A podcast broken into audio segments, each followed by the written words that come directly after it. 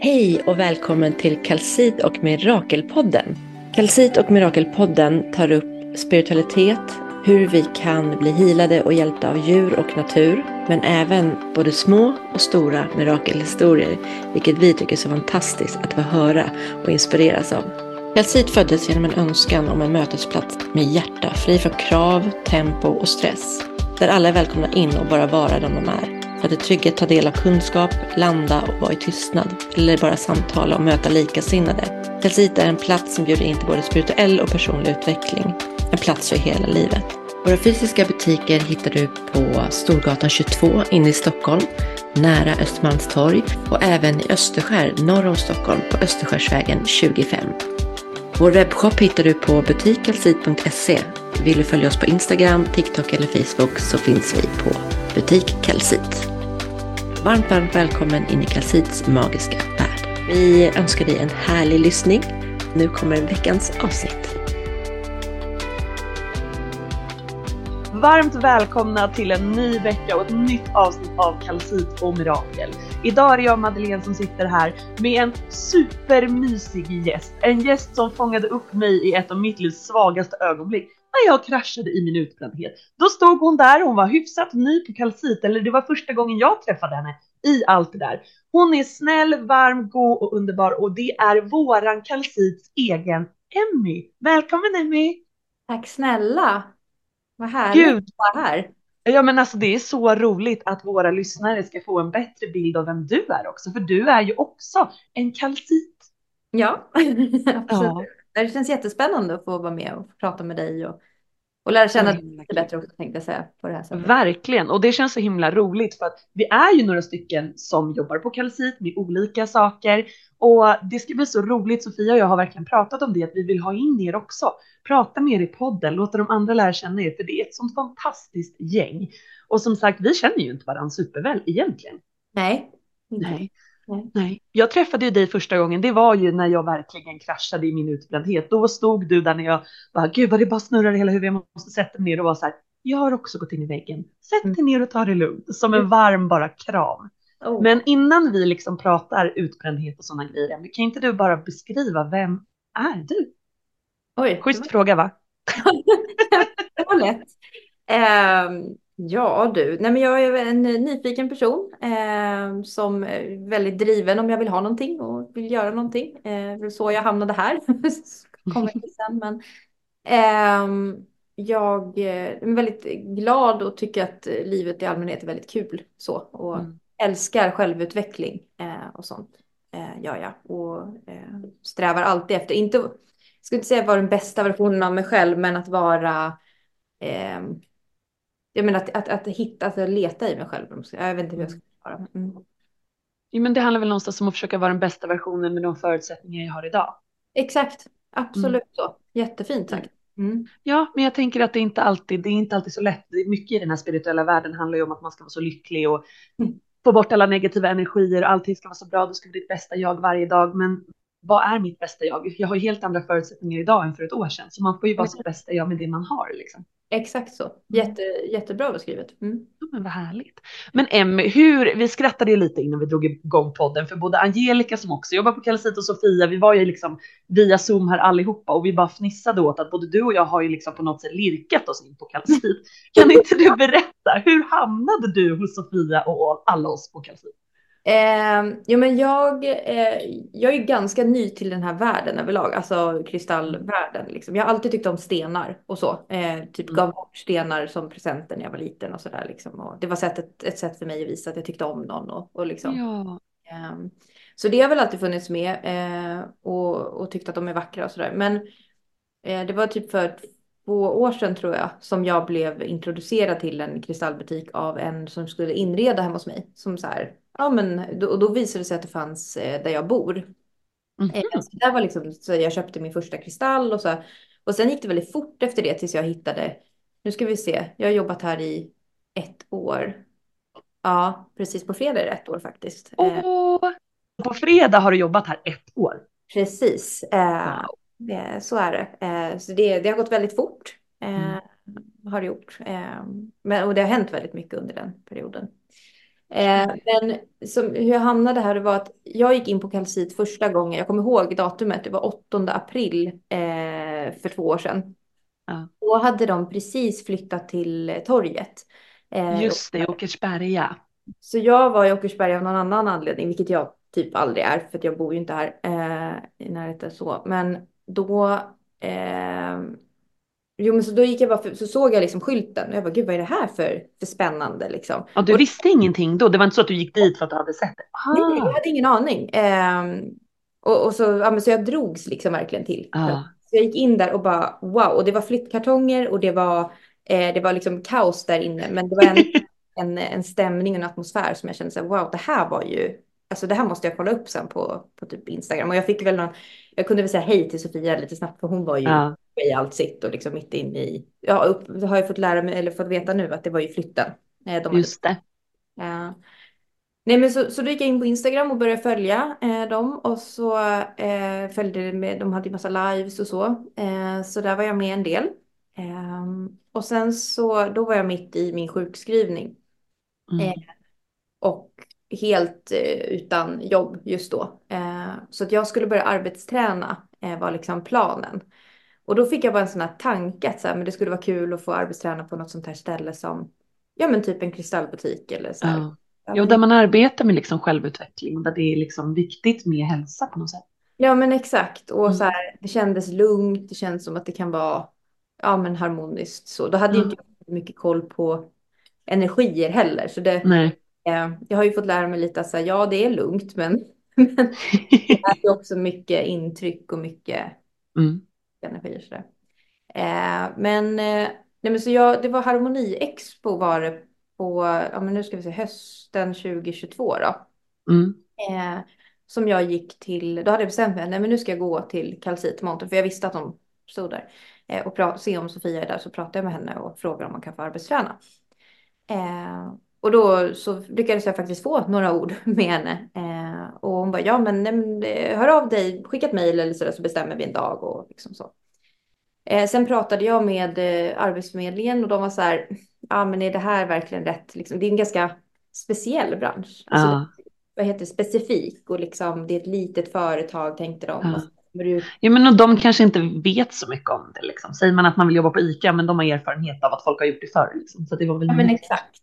Mm. Eh, nej men så jag, och då, och då var jag så här, äh, men, ja, så pratade jag med Sofia, jag träffade henne och hon bara, så det är rätt rörigt. Det är, eh, Mm. hon bara, jag är all over the place liksom och eh, så att det, ja, vet inte, det kanske inte är liksom det optimala. Och jag bara, nej okej, ja men kanske inte. Så, Fast alltså det, det var ju någonting som drog ändå. Ja. Satt, jag kommer ihåg att jag satt på bussen och jag bara, nej men jag, alltså jag måste dit, jag måste testa. Eh, så, och då så ringde jag till Sofia och sa att nej men nu har jag tänkt över det, jag, jag vill verkligen. Hon bara, ja, är du säker? Jag bara, ja nej men jag vill. Hon bara, ja men då får du, ja, nej men vi testar och så funkar det inte så funkar det inte liksom. Men Nej, nej.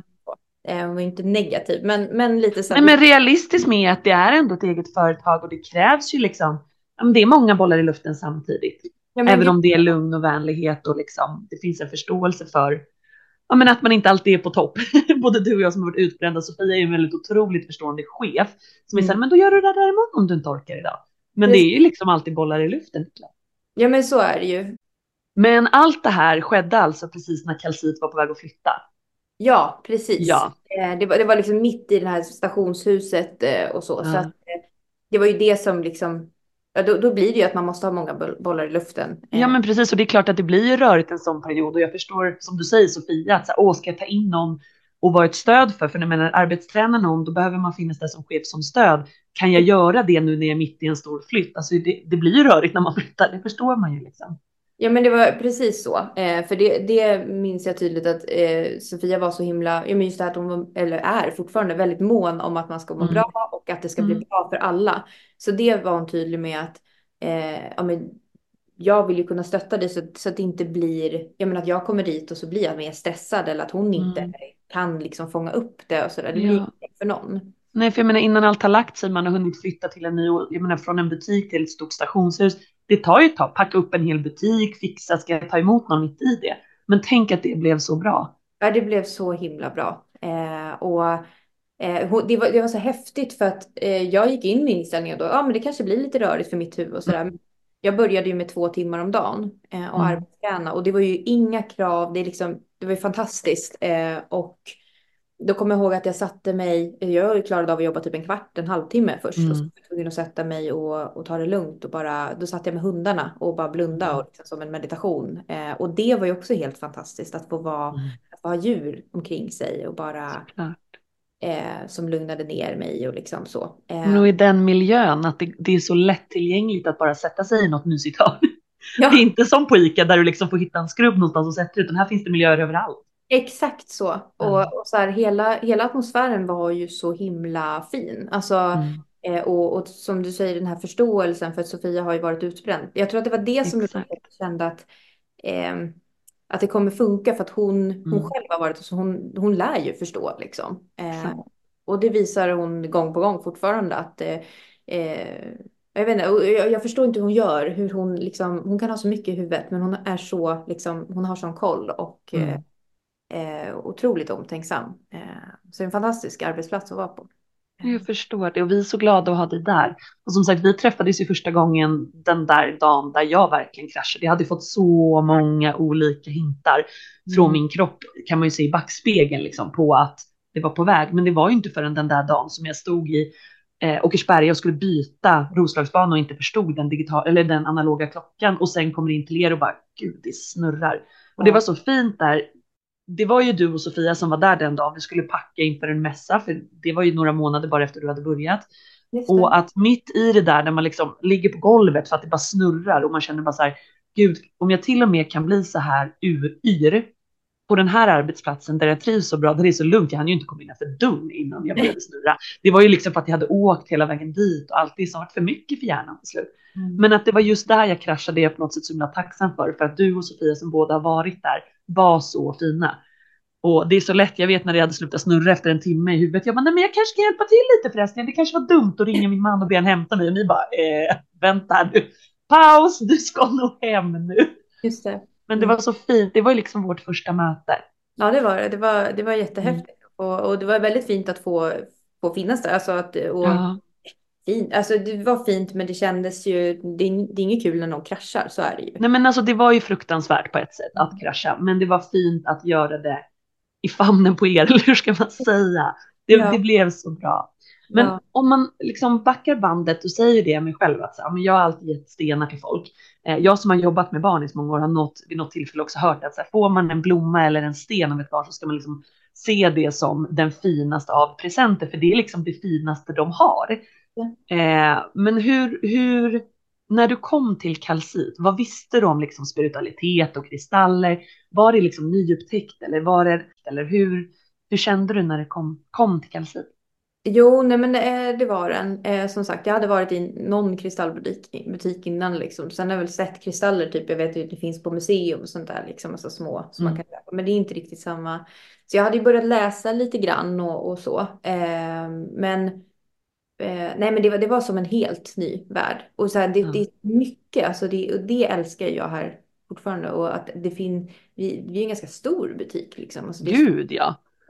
jättemycket olika eh, ja, men, fantastiska kluster och liksom Mm. eh, så. Och, och just det här, åh, det finns så mycket om varje sten, att det står för olika saker och eh, vilken Mm. värld att upptäcka typ. Eh, Verkligen, det tar ju liksom aldrig slut.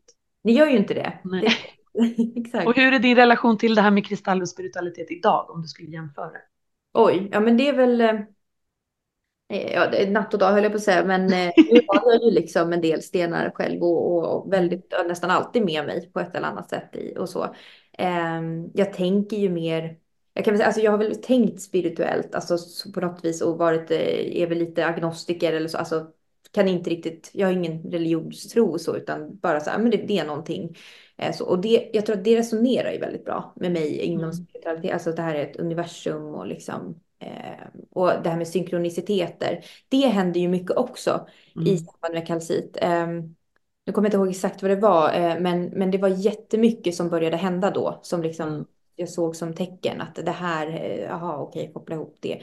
Och eh, det, synkroniciteter har jag upplevt typ hela livet, men inte kunnat förklara vad det är. Nej. Eh, så Nej, och där, det är så svårt att förklara för folk att så här, nej, men jag förstår att det här hänger ihop. För mig är det logiskt. Liksom. Exakt. exakt. Mm.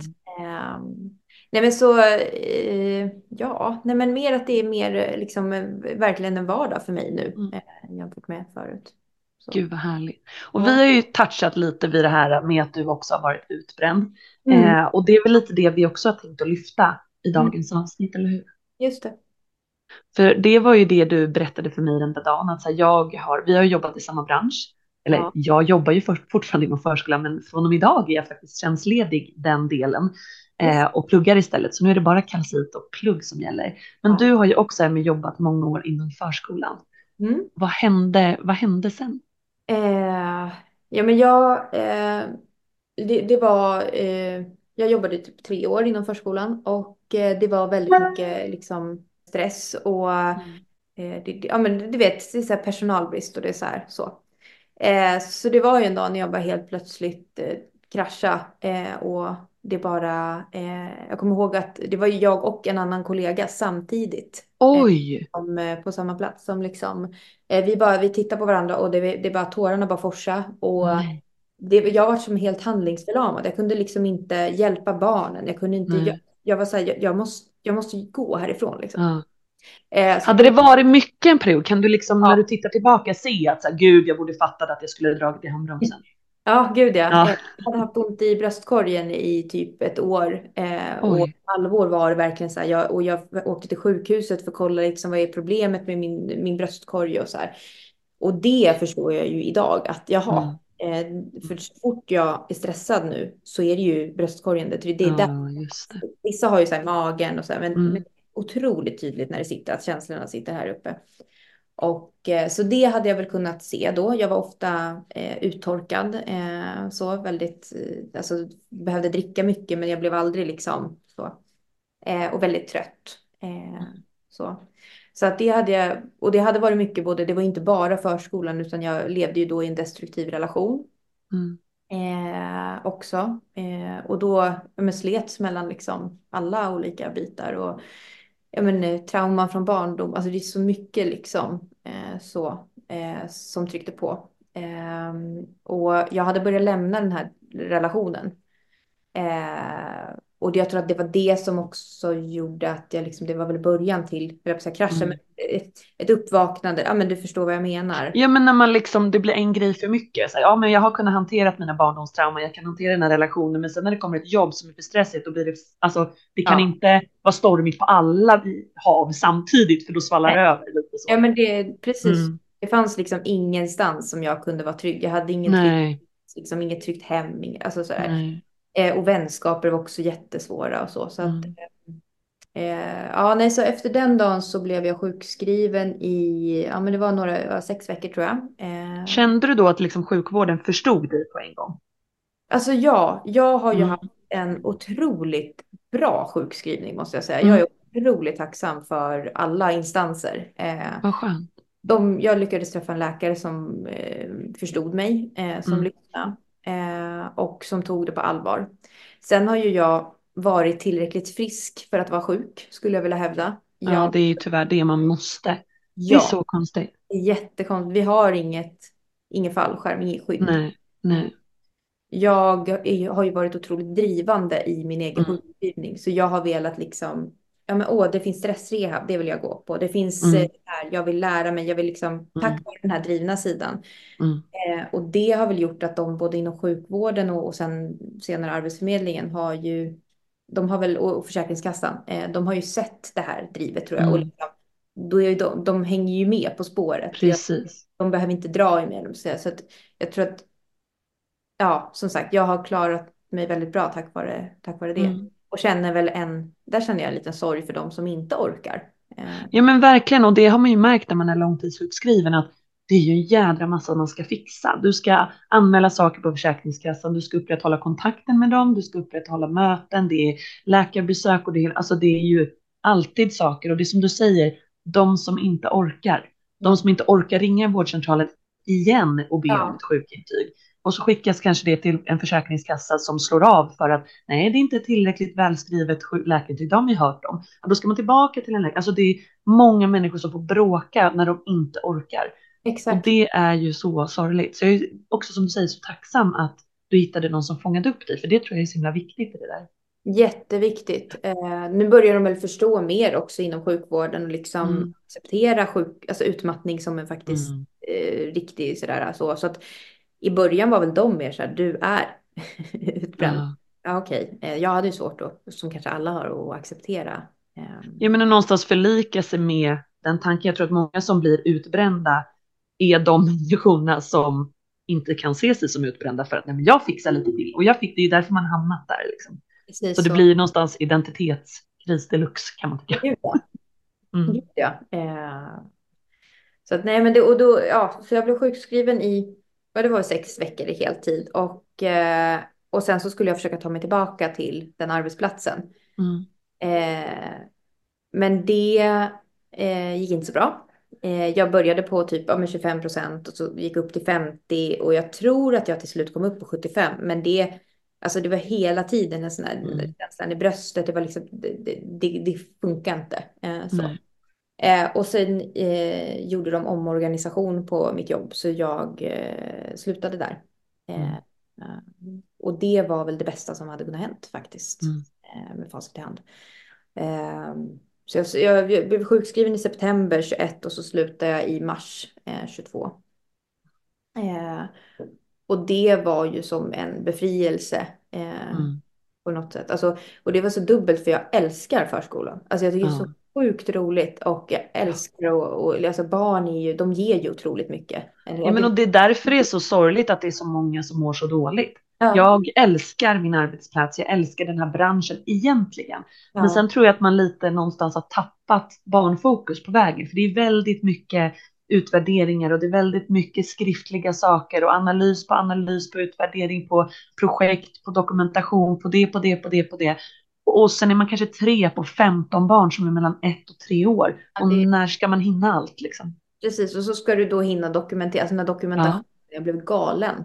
Och det är ju liksom Mm. att det, det är ju någonting uppifrån, alltså från läroplanen och allt det där, så man har liksom ingen, man har ingen makt över att Nej. göra det man själv kanske tycker är, eller Mm. själv, men- men det som man som team eh, Mm. tänker, det här mår liksom barnen bra av och så där. Så att det är så himla, aj, eh, och så det är inget konstigt. Men och lite det här, vi kan bara ge som ett exempel, jag antar att det var samma på ditt jobb, att man en dag i veckan per avdelning har planering på förmiddagen. Då förväntas man slå ihop sig med avdelningen bredvid, men får man mer personal? Nej, då förväntas man bara lösa det. Just Då är det liksom dubbla barngrupper, men då är en personalgrupp. Men hur, hur tänkte man där? Och det är så många sådana grejer inom förskolan för att det är mycket utveckling och man liksom stoltserar inom hela branschen med att man fortbildar sin personal så mycket och det är fantastiskt. Men man glömmer det första fokuset, barnen. Exakt så. Mm. Det, hur mycket barnen lär sig bara typ genom att leka eller bara Ja, vara. Alltså så här, hur mycket händer i det och hur mycket man hade kunnat.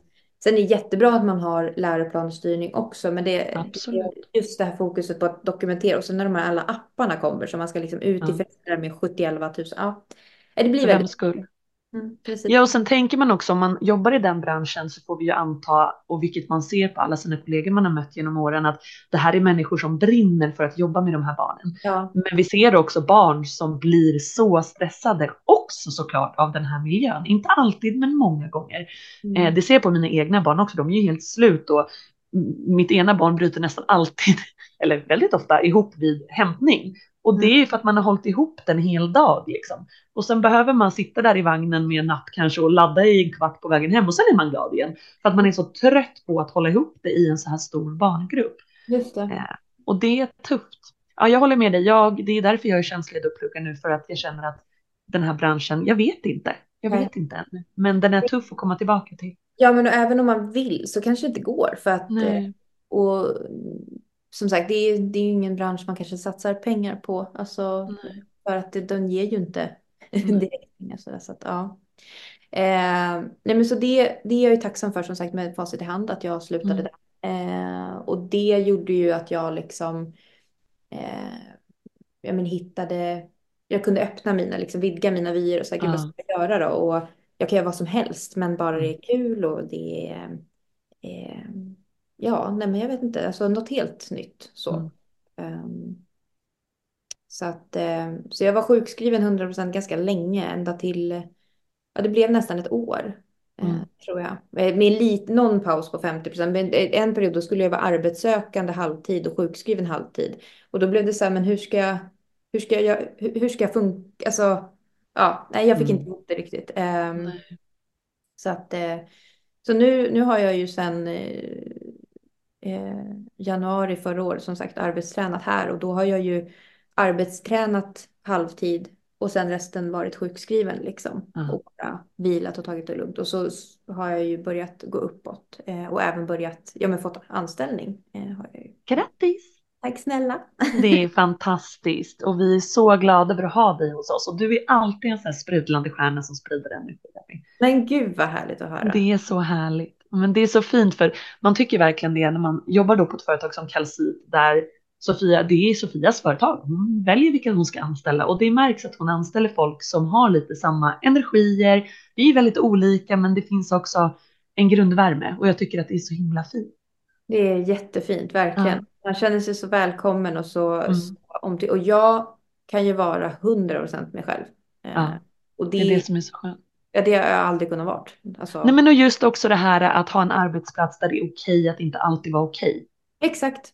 Usch, jag blir lite så här rörd, men för mig har det varit jätteviktigt och jätteannorlunda. Mm. Jag har haft, eller har fortfarande världens bästa kollegor på förskolan, det är inte det, men det är ju ett annat tempo där.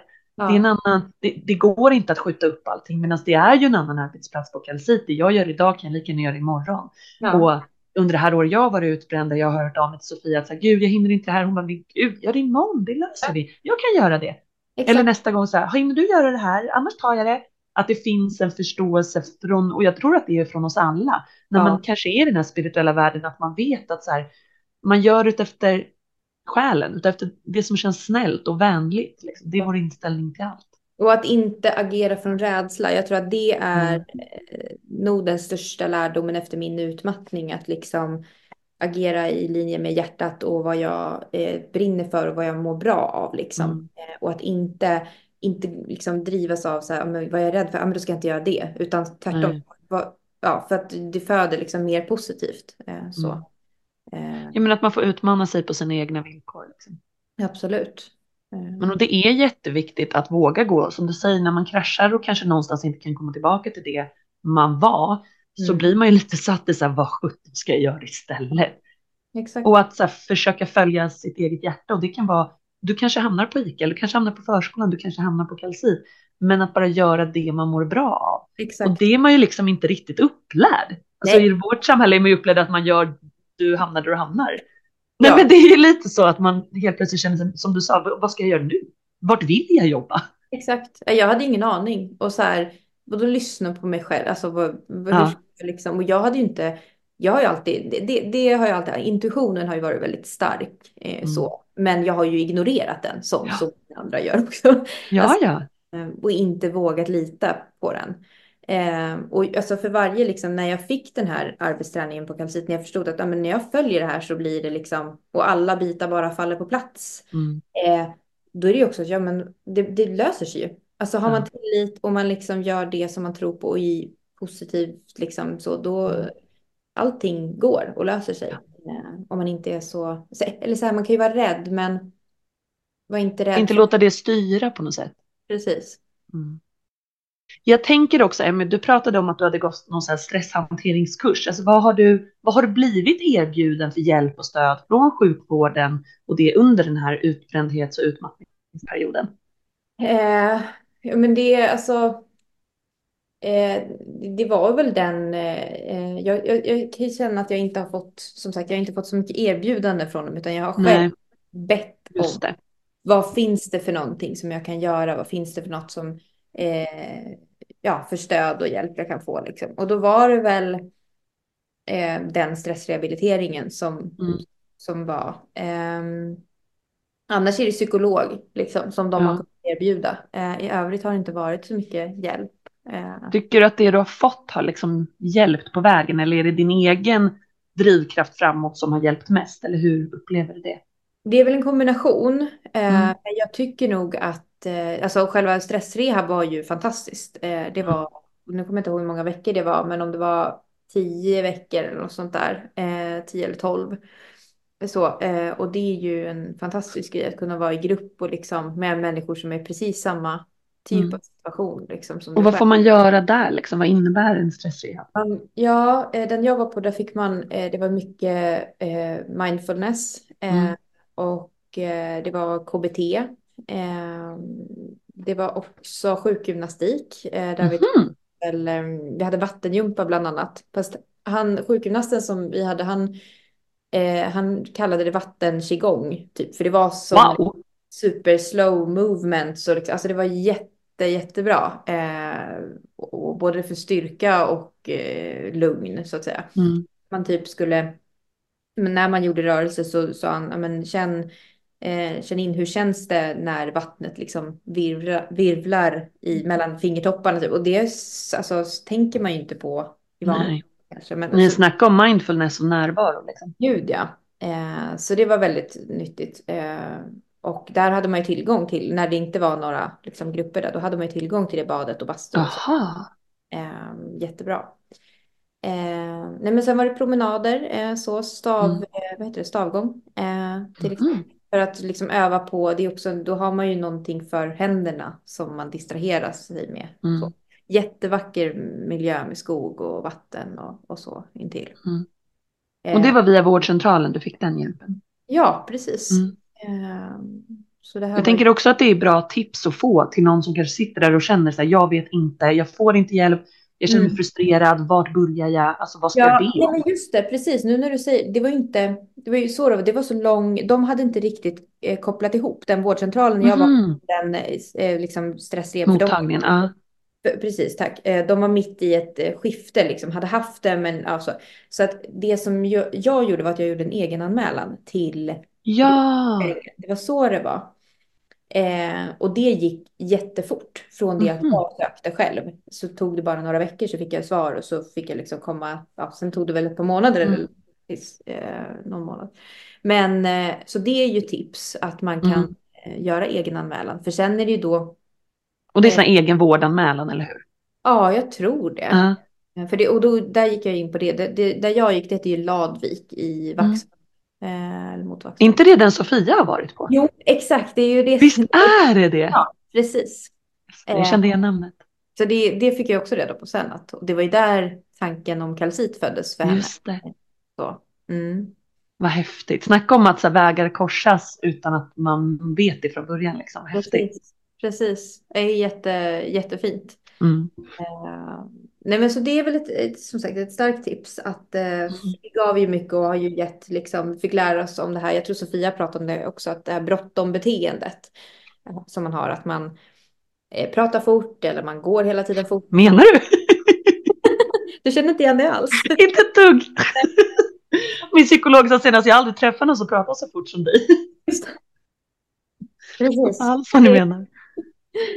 Ja, nej men det är eh, så my, my, mycket lärdomar där. Och sen framförallt Mm. det jag tyckte var så värdefullt, det var ju att man är i en grupp med människor som är i liknande situation, att man får dela eh, tankar, erfarenheter och liksom, vi Mm. har ju fortfarande kontakt. Eh, och det är ju Gud vad fint. över ett år sedan. Ja, det är jättefint. Eh, vi får se liksom hur går det för er och, och så. Mm. Eh, och de flesta upplever jag har fått med sig liksom, eh, lärdomar och så. Ja, men det där bråttom beteendet som du pratar om, det är någonting som jag i alla fall har aldrig förstått att jag gör det. Jag gör det bara. Det är inte förrän jag egentligen blir påmind av någon om att jag gör det. Eller nästan så här, kommer på mig själv, men gud nu går jag så där fort igen, alltså jag behöver inte småspringa. Nej, jag men- kan gå. Ja. Eller typ bara tömma diskmaskinen, bara, varför gör jag det här så fort? Allting går fort liksom, för att det, ja, automatiskt. Ja, men och det är ju någonting som hela samhället håller på med. Ja. Att det, att det liksom, allting ska gå så fort och vi ska hinna med så mycket som möjligt. Mm. Bara på en dag. Det är inte kvalitet utan det är kvantitet. Liksom. Ja men vi lär ju oss att ju mer du hinner få in, oavsett om det är på jobbet eller hemma eller som mamma eller som vän, ju mer du pressar in på kort tid, ju mer eh, succé, alltså du ser, nu kommer min utbrända igen, nu tappar jag orden, ju mer framgångsrik är du. Liksom. Precis, precis Mm. så. Ehm, Vad hade de för tips där? Hur kan man bryta det? Så här från en utbränd till en annan. ja, exakt. Nej, men där var det väl mest eh, det här att öva på att stanna upp i vardagen. Mm. Liksom. Det, var, det var någonting som vi, vad heter basal kroppskännedom jobbade vi mycket med. Mm. Och det är ju typ som alltså, det, det meditation egentligen, men Ja. man, det är väl sjukgymnasternas eh, Mm. term för det. Ord liksom. Mm. Mm. Eh, och det är ju bara att känna in kroppen. Eh, att eh, känna vart, ja, men, hur känns det i händerna eller liksom, och så här, göra kroppsskanning. Att, att stanna upp, det var väl det Mm. största liksom. Och att öva på tacksamhet. Mm. Så för att liksom få in alla sådana här rutiner. Men mest bara som sagt öva på medvetenheten. Och det, Mm. jag upplever att mitt bråttom-beteende, det finns ju fortfarande kvar och jag går ju jättefort ibland. Eh, där har jag som tur var en, eh, är en pojkvän som liksom, nu springer du. Ja. Ja, ja, okej. Ja. Någon som kan stoppa mig. Eh, men, men det är inte samma känsla att säga jag Nej. måste liksom fram. Så, så jag tror att medvetenheten är väl det som Mm. ändrar det mesta. Mm. Det låter bra. Ja. Fanns det något annat som du har känt liksom har hjälpt på din resa eller som har gjort att du har förstått dig själv bättre? Ja, alltså i samband med det här så när jag fick gå till psykolog eh, så var det en kollega till mig, jag tror det var hon som jag kraschade tillsammans med, säga, som Mm. sa du har inte funderat på om du har ADHD.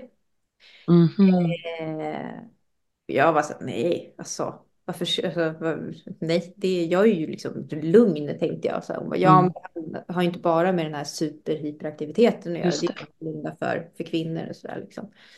Så då tänkte jag, men jag kan ju göra en sån här screening som det heter. Eh, så då pratade jag med min psykolog som var, hon var också så här, nej men du, nej nej, det tror jag inte. Mm. Så, så var vi mer inne på autismhållet liksom, att Ja. det var ditåt. Eh, men det, och det tog ett tag, men det resulterade i faktiskt i ja, februari förra året att jag fick en eh, ADHD-diagnos med autistiska drag. Mhm. Ehm, så då, och då går man ju via psykiatrin och sådär. Just det. Ehm, och det har ju gjort att jag, eh, där följer ju en rejäl polett ner. Mm. Ehm, nu menar inte jag att alla som är utbrända har det, men, men det är ju många som, Mm. jag, som går in i väggen på grund av just eh, när man har eh, ADHD då till exempel, att man är så Mm. driven eller man, och man bara kör på liksom samtidigt. Men om man har en vilja av att göra så mycket hela tiden av allt. Exakt. Mm. Och, och så har du inte den här bromsen kanske. Du är Nej. aktiv, alltså det är jättemycket. Eh, Mm. eh, och eh, där efter det så tycker jag att jag har fått väldigt mycket hjälp när jag kom Mm. till specialist då. Just det. Så där är ju fortsatt, då finns det ju grupper för det och liksom. eh, Och kände du att det liksom någonstans gav dig en förståelse kring varför det hade blivit så här på något sätt? ja, absolut. Ja. Och kanske eh, vä- väldigt mycket en acceptans av vem jag själv är, för jag har Just det. mitt liv jobbat för att förstå mig själv Mm. och eh, många, många gånger anpassat mig bara. Och Mm. inte, alltså, det, här, det är lite farliga med självutveckling, eller farliga, men eh, det är ju att om man hela tiden vill det, det man kan ju, jag tänkte att så här, men jag kan förändra allt. Mm. Alltså, att man går så, ah, men du kan förändra ditt Mm. beteende. Ja, men okej. Men vad är egentligen som är värt att lägga energi och förändra på? Vad är jag? Exakt. Och- Vad är min grund-jag som jag bara får acceptera och vara? Exakt så. Mm. Eh, och vad, vad vill jag förändra? Vad behöver jag Mm. för att vara bättre? Otrolig soppa tyckte jag. Eh, Mm. jag förändrade ju liksom, försökte förändra allt. Eh, Mm. Vilket resulterade i att jag var liksom ingen alls. Jag var en kombination av, alltså olika. Av alla andras önskan kanske? Precis så, just Mm. det. Mm. Gud vad sorgligt. Och jag blir så berörd för att jag tror att det är många som kommer känna igen sig i just det. Och som du beskriver tycker jag är jätteviktigt, men det här måste vi prata mer om i podden känner jag direkt, att det hela tiden finns en strävan att självutveckla sig och självutveckla sig och självutveckla sig och bli sitt bästa jag. Men när är man nog? Ja, precis. Och Precis. vad som du säger, vad i mig själv vill jag faktiskt inte förändra? Ja. Vad vill jag bara acceptera att det här är jag och det är fine? Ja, Och vilka delar vill jag acceptera att jag vill förändra? För att någonstans är det så här, jag, det är egentligen skitsamma vad alla andra tycker att du ska förändra. Vad vill du själv förändra? Eller vill du förändra något? Ja, och det, det har jag haft jättesvårt med att hitta ens. Så här, vad vill jag? Mm. För att om, jag, om slutmålet ska vara att, ja men typ, jag har ju haft jättejobbigt att så här, eh, organisera hemma liksom. Mm. Ja, men då har du en press på dig utifrån. Eller du, och inte att folk säger till dig, utan så här, ja men folk visar sina hem på Instagram. Ja, Bla, bla, bla. Även om de säger att Åh, det här, så här är inte alltid, så är det liksom, det är ju det som frontas. Mm. Ehm, och sen så kommer du hem till en kompis som kanske har superbra ordning och så liksom så själv Mm. så sitter du där och orkar då kanske inte för att du har väldigt Mm. mycket redan och så eh, och, förstå, och, och att inte förstå då varför man, Mm. eh, man har det så. Eh, varför man eh, inte klarar av att bara ta tag i det där tvättberget eller diskberget eller liksom så. Ehm, det gör ju att man också jobbar mot, alltså det, det, det som det. Var ju att jag liksom, men då ska jag förändra så att jag ska tycka om det eller så att jag ska, Mm. förstår du vad jag menar? Att liksom- Ja, jag kan tänka mig att det blir en någonstans självdestruktivt på något sätt. Rätta mig verkligen om jag har fel, men att det blir lite så här, varför klarar inte jag av att hålla Ja, ja. så där? Jag har en anhörig som har ADD och, och där jag också inte alltid har förstått innan den diagnosen sattes här, vad är det som är så svårt med att bara ta tag i det här? Alltså res dig gå till skolan, det vill bara kliva upp. Alltså att man inte förstår, men när man förstår att så här, jaha, vi fungerar inte riktigt likadant. Nej, men då måste jag ju lära mig hur du fungerar. Att det blir ju en acceptans kan jag tänka mig för omgivningen också. Ja, ja, gud ja. Och Mm. det, det har också varit en otroligt stor del. För det första kan ju jag säga så här funkar jag. Mm. Eh, och, och sen att eh, när de vet det, eller liksom, då är de så här, jaha, det är, där, det är inte för att hon är lat, det är inte för att hon Exakt. Det har jag ju fått höra typ hela mitt liv. Att jag är Mm. lat. Jag liksom, men det jag tycker är kul, det kan jag minsann göra mycket av. Ju gud vilken... Oh. Förstå vilken syn på mig. Det hon tycker är roligt det klarar hon, men resten skiter hon i. Precis. Och så är det inte så, utan man gör allt för att bara försöka klara. Ja, och för att liksom, för att då vilja, så, men det, det, det ska bara göras och nu gör jag det så, alltså, och så går man och liksom har någon äh, extrem dialog med sig själv och bara, alltså, argumenterar med sig själv om varför kan jag inte bara, så lägger man så otroligt Mm. energi på det. Mm. Så jag skulle säga att det som har hänt efter diagnosen, det är att jag har så här, okej, men min hjärna funkar ju så här. Eh, Ja. Jag, tycker att, jag tycker jag att saker är roligt, då kommer jag klara, alltså det är mycket lättare att ta Mm. mycket energi att göra det. Så att mitt, liksom, min självutveckling nu handlar ju jättemycket om att så här, hur kan jag hitta vägar för att få saker gjort, men på Mm. mitt sätt.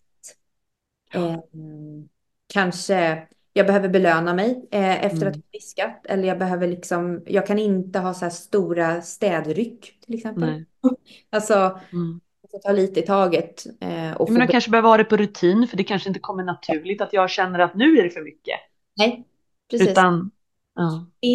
Problemet med utmattningsdiagnosen i det här också, det är att de är lite mot varandra. Alltså Mm. ADHD, den, där är jag impulsiv och driven och springer på. Eh, men jag är också väldigt, eh, som sagt, motivationsstyrd. Så att jag Mm. eh, tycker jag inte att det är kul så drar ju inte det. Liksom. Eh, utmattningen där, eh, där orkar jag ju liksom inte. Alltså jag har inte samma sådär. Och det, då måste jag ju pausa. Men jag får ju inte hamna i att, ja men då, nej jag orkar inte städa idag. För att Nej. så, det är jättelätt att hamna Ja. i.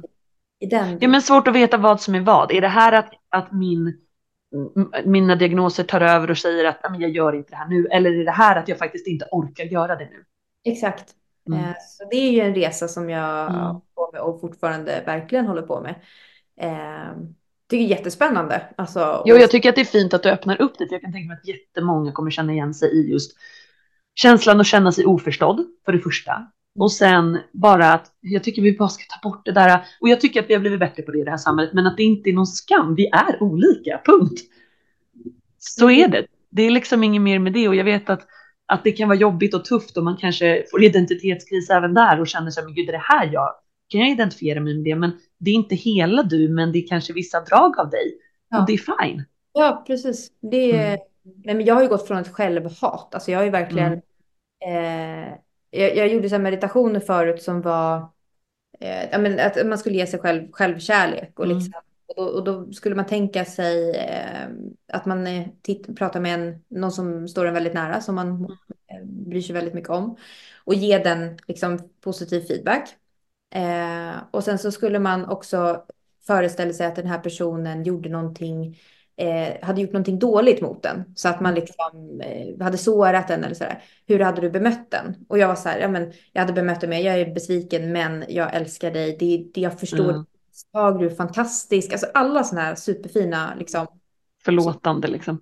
Oh ja. Eh, och sen skulle jag göra samma sak till mig själv. Eh, och när jag kommer till den här biten att jag ska liksom, hur hade jag bemött mig själv om, om men för då fick man ju tänka att man såg sig Mm. själv i spegeln liksom. Eh, så skulle jag ju då bemöta mig med ett förlåtande perspektiv. Och det gick inte. Eh, Mm. Min, för det första spontana reaktion var ju så här, fy fan, hur tänker du? Du är helt Mm. jävla huvudet, alltså du är värdelös, det, du gör Mm. alltid så. Alltså, och du, du verkligen så här tr- tryckte ner mig själv. Eh, och så var det då att jag skulle försöka ändå att bemöta mig mjukt. Och det var, jag mådde illa. Alltså jag var så här, Mm. jag får inte, jag kan inte. Och så började jag gråta då för att jag kände Mm. att vad är det här? Vad, vad liksom, Varför kan jag inte? varför kan jag inte? Eh, Medan nu idag efter ja, diagnos och liksom rehabilitering och alltså alla Mm. de här bitarna så eh, kan jag faktiskt det, alltså titta på mig själv i spegeln och säga men du är bra som du är. Mm. Eh, alltså jag känner det verkligen. Eh, Mm. att, sen har ju jag saker att jobba på men jag inte... Ja men det har vi ju alla och det var ju det vi pratade om i början tänker jag just det här med att, att vara sitt bästa jag varje dag är fantastiskt. Men gör det med de förutsättningar du har idag. Just idag kanske du har jätteont i huvudet, har sovit jättedåligt, är jätteirriterad på din sambo från igår. Ja, då kanske ditt bästa jag är att idag orkar jag inte laga näringsrik mat till mina barn, det blir en hämtpizza. Idag är mitt bästa jag för att då orkar jag.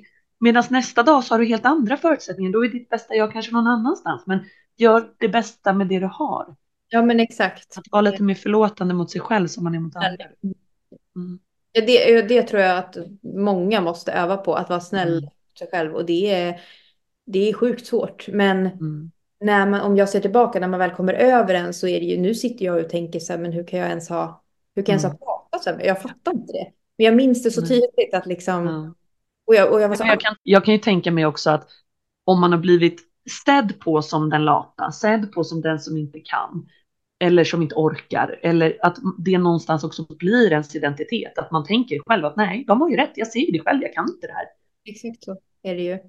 Och, och då är det ju också, när jag kraschade, Mm. eh, jag ska säga att innan min sjukskrivning, då hade ju jag en bild på de som var utmattade som sa, nej Mm. men ryck upp dig. Liksom. Mm. Jag var ju en av de här som, som är så, höll jag på att säga. Mm. Ehm, jag kunde inte förstå hur man inte, eh, ja, alltså, hur man inte kunde, hur man bara kunde ligga liksom, eller inte Mm. palla, alltså så. Även om jag då var bekväm av mig eller lat eller hur man nu Mm. uttryckte det då, eh, så var det så här, det bara gå. Men i och med den här utmattningen så dels har jag ju förstått att så här, ja, okej, jag har ingen jävla aning om någonting. Jag kan bara, alltså vad, vad jag Mm. kan. Alltså så här, och att jag, jag har blivit väldigt ödmjuk kring Mm. andras problematik. Säger de att de mår dåligt, eller något, då är det liksom, Då lämnar man det där, då är ja, det så. de, det, det är så. Liksom. Mm. Eh, men, men det som krockade mycket var ju när jag, när jag då kraschade, att, att kunna tillåta sig själv att vila när man har Mm. hela, tiden att du är lat, du, ja, du vill bara Ja, det blir som ett bekräftande på att det de har sagt stämde. Fast det inte var så liksom. Eh, Mm. Och i början, det, det, där tackar jag sjukvården och Mm. eh, läkaren som sa liksom att eh, jag måste klara av hela mitt liv. Eh, alltså, Ja. eh, jag, nu kanske det är en period när jag behöver vara med mina nära och kära och liksom, Mm. Men jag kände så här, jaha, jag kan vara med mina nära vänner eller ha, göra Mm. roliga saker, men jag orkar inte gå och jobba. Vad Nej. är utnyttjande, latmask? så? Ja. Men jag förstår dig och jag känner så väl igen det. Jag har ingen ADHD-diagnos än, men träffat en psykolog som sa det till mig vid något tillfälle. Men visst hade du ADHD? Och jag bara, ja, nej, alltså jag är bara lite rastlös.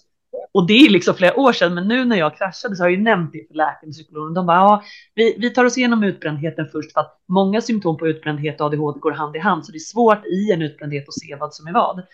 Men han sa ju också som sagt att jag har aldrig träffat någon som pratar så fort som du. Nej, Och jag är så här, åh jag har tänkt att jag vill ha en lampa, alltså jag ger mig inte förrän den sitter där. Då, och då är jag knappt att jag är glad att den sitter där, för då är jag ju på nästa grej. Och nästa grej och nästa grej och nästa grej och det är ivrigt och fort. Alltså vi hade corona innan jul. Vad gör jag? Alltså jag kan knappt andas, jag kan knappt ligga ner i soffan, knappt stå upp, jag får sitta. Men jag möblerade om mina tjejers rum. Vet, Min man tittade, han bara, nu, nu undrar jag så här, vad, vad händer här? Vi skulle ha en lugn söndag, nu vill jag bara påminna och påpeka för dig att du möblerar om tjejernas rum. Ja, jag vet. Vet jag, och varje gång jag vabbar då har jag målat om, möblerat om, fixat. Du vet, jag kan inte bara sitta. Nej. Sen är jag bäst på att ligga och kolla en serie på kvällen i soffan, det är inte det, men det där lugna, ta det lugnt, gå sakta, prata sakta och lugnt. Det sa du och Sofia till mig sist jag kom till Kalsit att du behöver bara ta fem minuter. Och jag bara, va? Jag är inte stressad. Nej.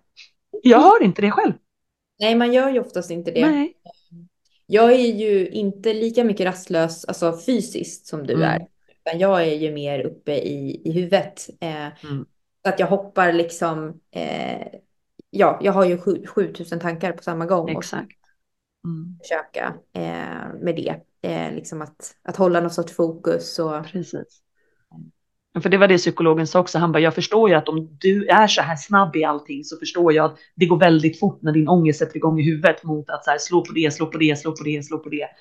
Att det går fort liksom. ja, Det är väl absolut ett tips till människor som känner att man mår dåligt eller har blivit erbjuden att, att se över olika diagnoser. Något, att inte, man behöver inte sätta diagnoser på alla, det är inte det. Vi, vi är inte vår diagnos.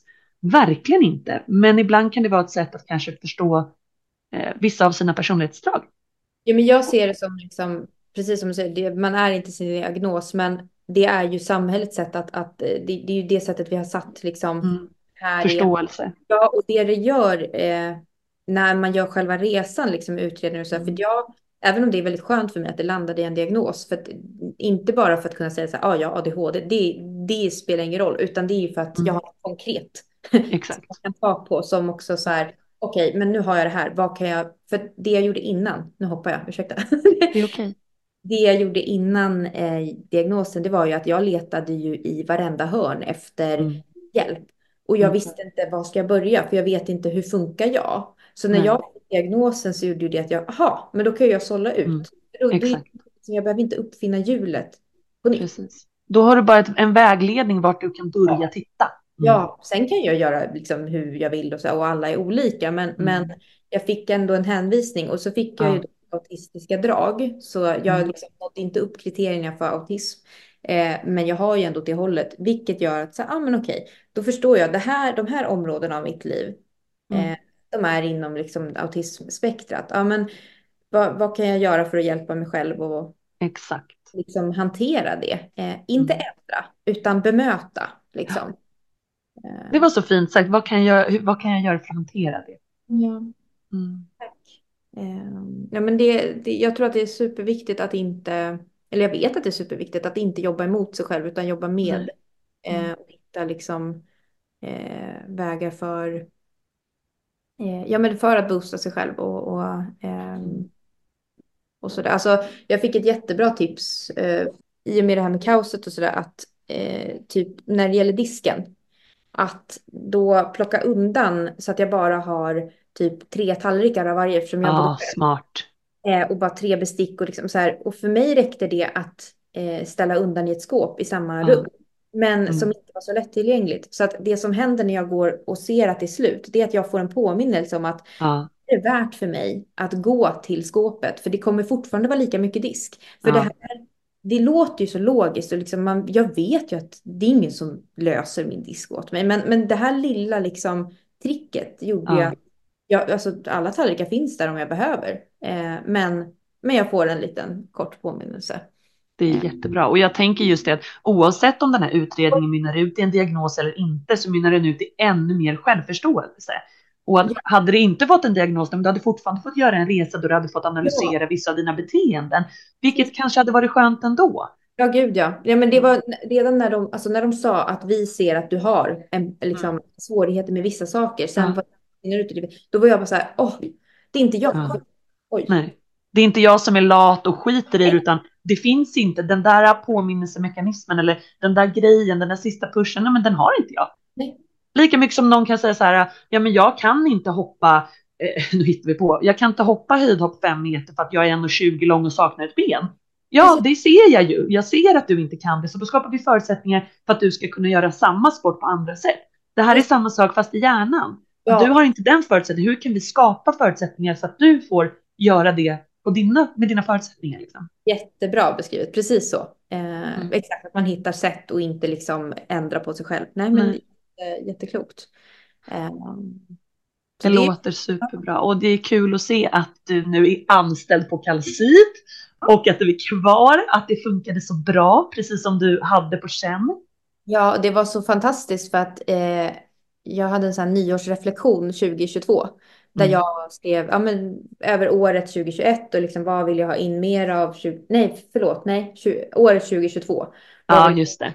2023 och, och sen var det så här fråga om, om du fick ha, men, vad är ditt liksom, absoluta drömscenario? Om du fick Mm. fantisera helt fritt, hur skulle ditt år se ut? Och då har jag ju beskrivit eh, att, ja men jag, då, för då hade inte jag börjat på kalcit än. Det var typ Just det, precis innan. Eh, så då skrev jag så här, ah, men jag arbetstränar på kalcit, jag trivs jättebra, jag har fina kollegor som eh, tycker om mig eh, för den jag är. Eh, det slutar med att jag blir anställd. Eh, vad var det mer jag hade skrivit? Ja, men så här, jag gör en inre resa med mig själv. Jag skrev också att ja, men jag har fått diagnos och får hjälp med det. Alltså jag, så snabbt Ja, liksom manifestation eh, verkligen. av det man... För det, det var inte ett mål. Det var inte Nej. så ska det bli, utan bara Nej. om det blev som jag skulle vilja ha. Ja, drömmen. Ja, men både manifestation och också att du kanske såg det på papper och började liksom take action mot det.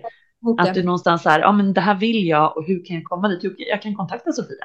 Ja, precis. Det behöver inte kanske vara svårare än så. Ja, men exakt. Det, det var... Eller ja, här hade jag ju kontaktat Sofia, men, men det Just det, för då hade du, mm, Ja, precis. Så det var inte liksom, men, men det här äh, förloppet av liksom det här, och som du säger, då ser man riktningen som man, Ja. som man vill mot. Eh, Men det kan väl vara ett bra tips inför det här nya året att sätta sig ner och fundera på om jag fick drömma, i, liksom, om jag skulle sätta mig ner igen i december, vad skulle jag ha velat kunna skriva ner att jag varit med om då? Hur skulle jag vilja att det hade varit fram tills då? Liksom? Och sen blir det kanske inte alltid så, men då får man en vägledning om vart man själv önskar vara på väg. Ja, gud ja. Eh, det är väldigt, väldigt eh, bra eh, faktiskt. Eh, och som sagt, att ta bort pressen, det, här, det behöver inte bli så. Det, det är inget eller liksom så, utan eh, ja, men att låta sig själv drömma också eh, Mm. fritt. Mm. Verkligen, det kan bli bättre. Liksom. Ja, absolut. Fint. Alltså Emmy, stort tack för att du har gästat Kalcit och Mirakel. Jag är så glad och tacksam över det. Och snart ska ni också få höra Angelica i podden. Jag är så taggad på att våra lyssnare ska få en helt ny fördjupad upplevelse och lite mer ja, men koll på er också. Det är så många som är kalcit tillsammans med Sofia och det känns så fint att du vågade öppna upp dig om de här sakerna. Jag tror verkligen att många kan känna igen sig och jag är tacksam över att du är så modig och att du låter oss vara med på din resa och att du delar både det som har varit tufft men också det som har känts bra. Ja. Tack snälla, det var jättefint att få vara med och prata med er. Verkligen. Eh, jag hoppas verkligen att folk, eh, ja men att det, att det ger någonting. Eh, och vill de någonting så är det bara att skriva eller liksom så. Absolut. Och då kan man bara DMa oss på Instagram Ja. så hänvisar vi dig eller de vidare till dig. Ja, Och jag ser fram emot att ha dig i podden fler gånger Emmy. jättegärna. Det skulle vara jätteroligt. Ja, det är klart. Gud vad härligt. Nu får vi önska alla lyssnare en fortsatt fantastisk vecka och Emmy, du är fantastisk precis som du är. Glöm aldrig det. Och detsamma till dig. Eh, Tack darling. Grattis till eh, tjänstledigt och eh, Åh, plugget. Tack snälla. Jag öppnade matteboken idag och kände vad har jag gett mig in på? Men det blir nog bra. Det är en utmaning, men eh, Det är det. Man måste försöka. Det är ju det. Vilken väg vill jag gå? Hur ska jag komma dit? Och börja take action. Och så, så blir det som det blir. precis så. No pressure. No pressure. Tack snälla för att ni har lyssnat och Emmy, ha en fortsatt fantastisk vecka. Tack så mycket, detsamma. Tack, tack. Stor kram. Stor kram.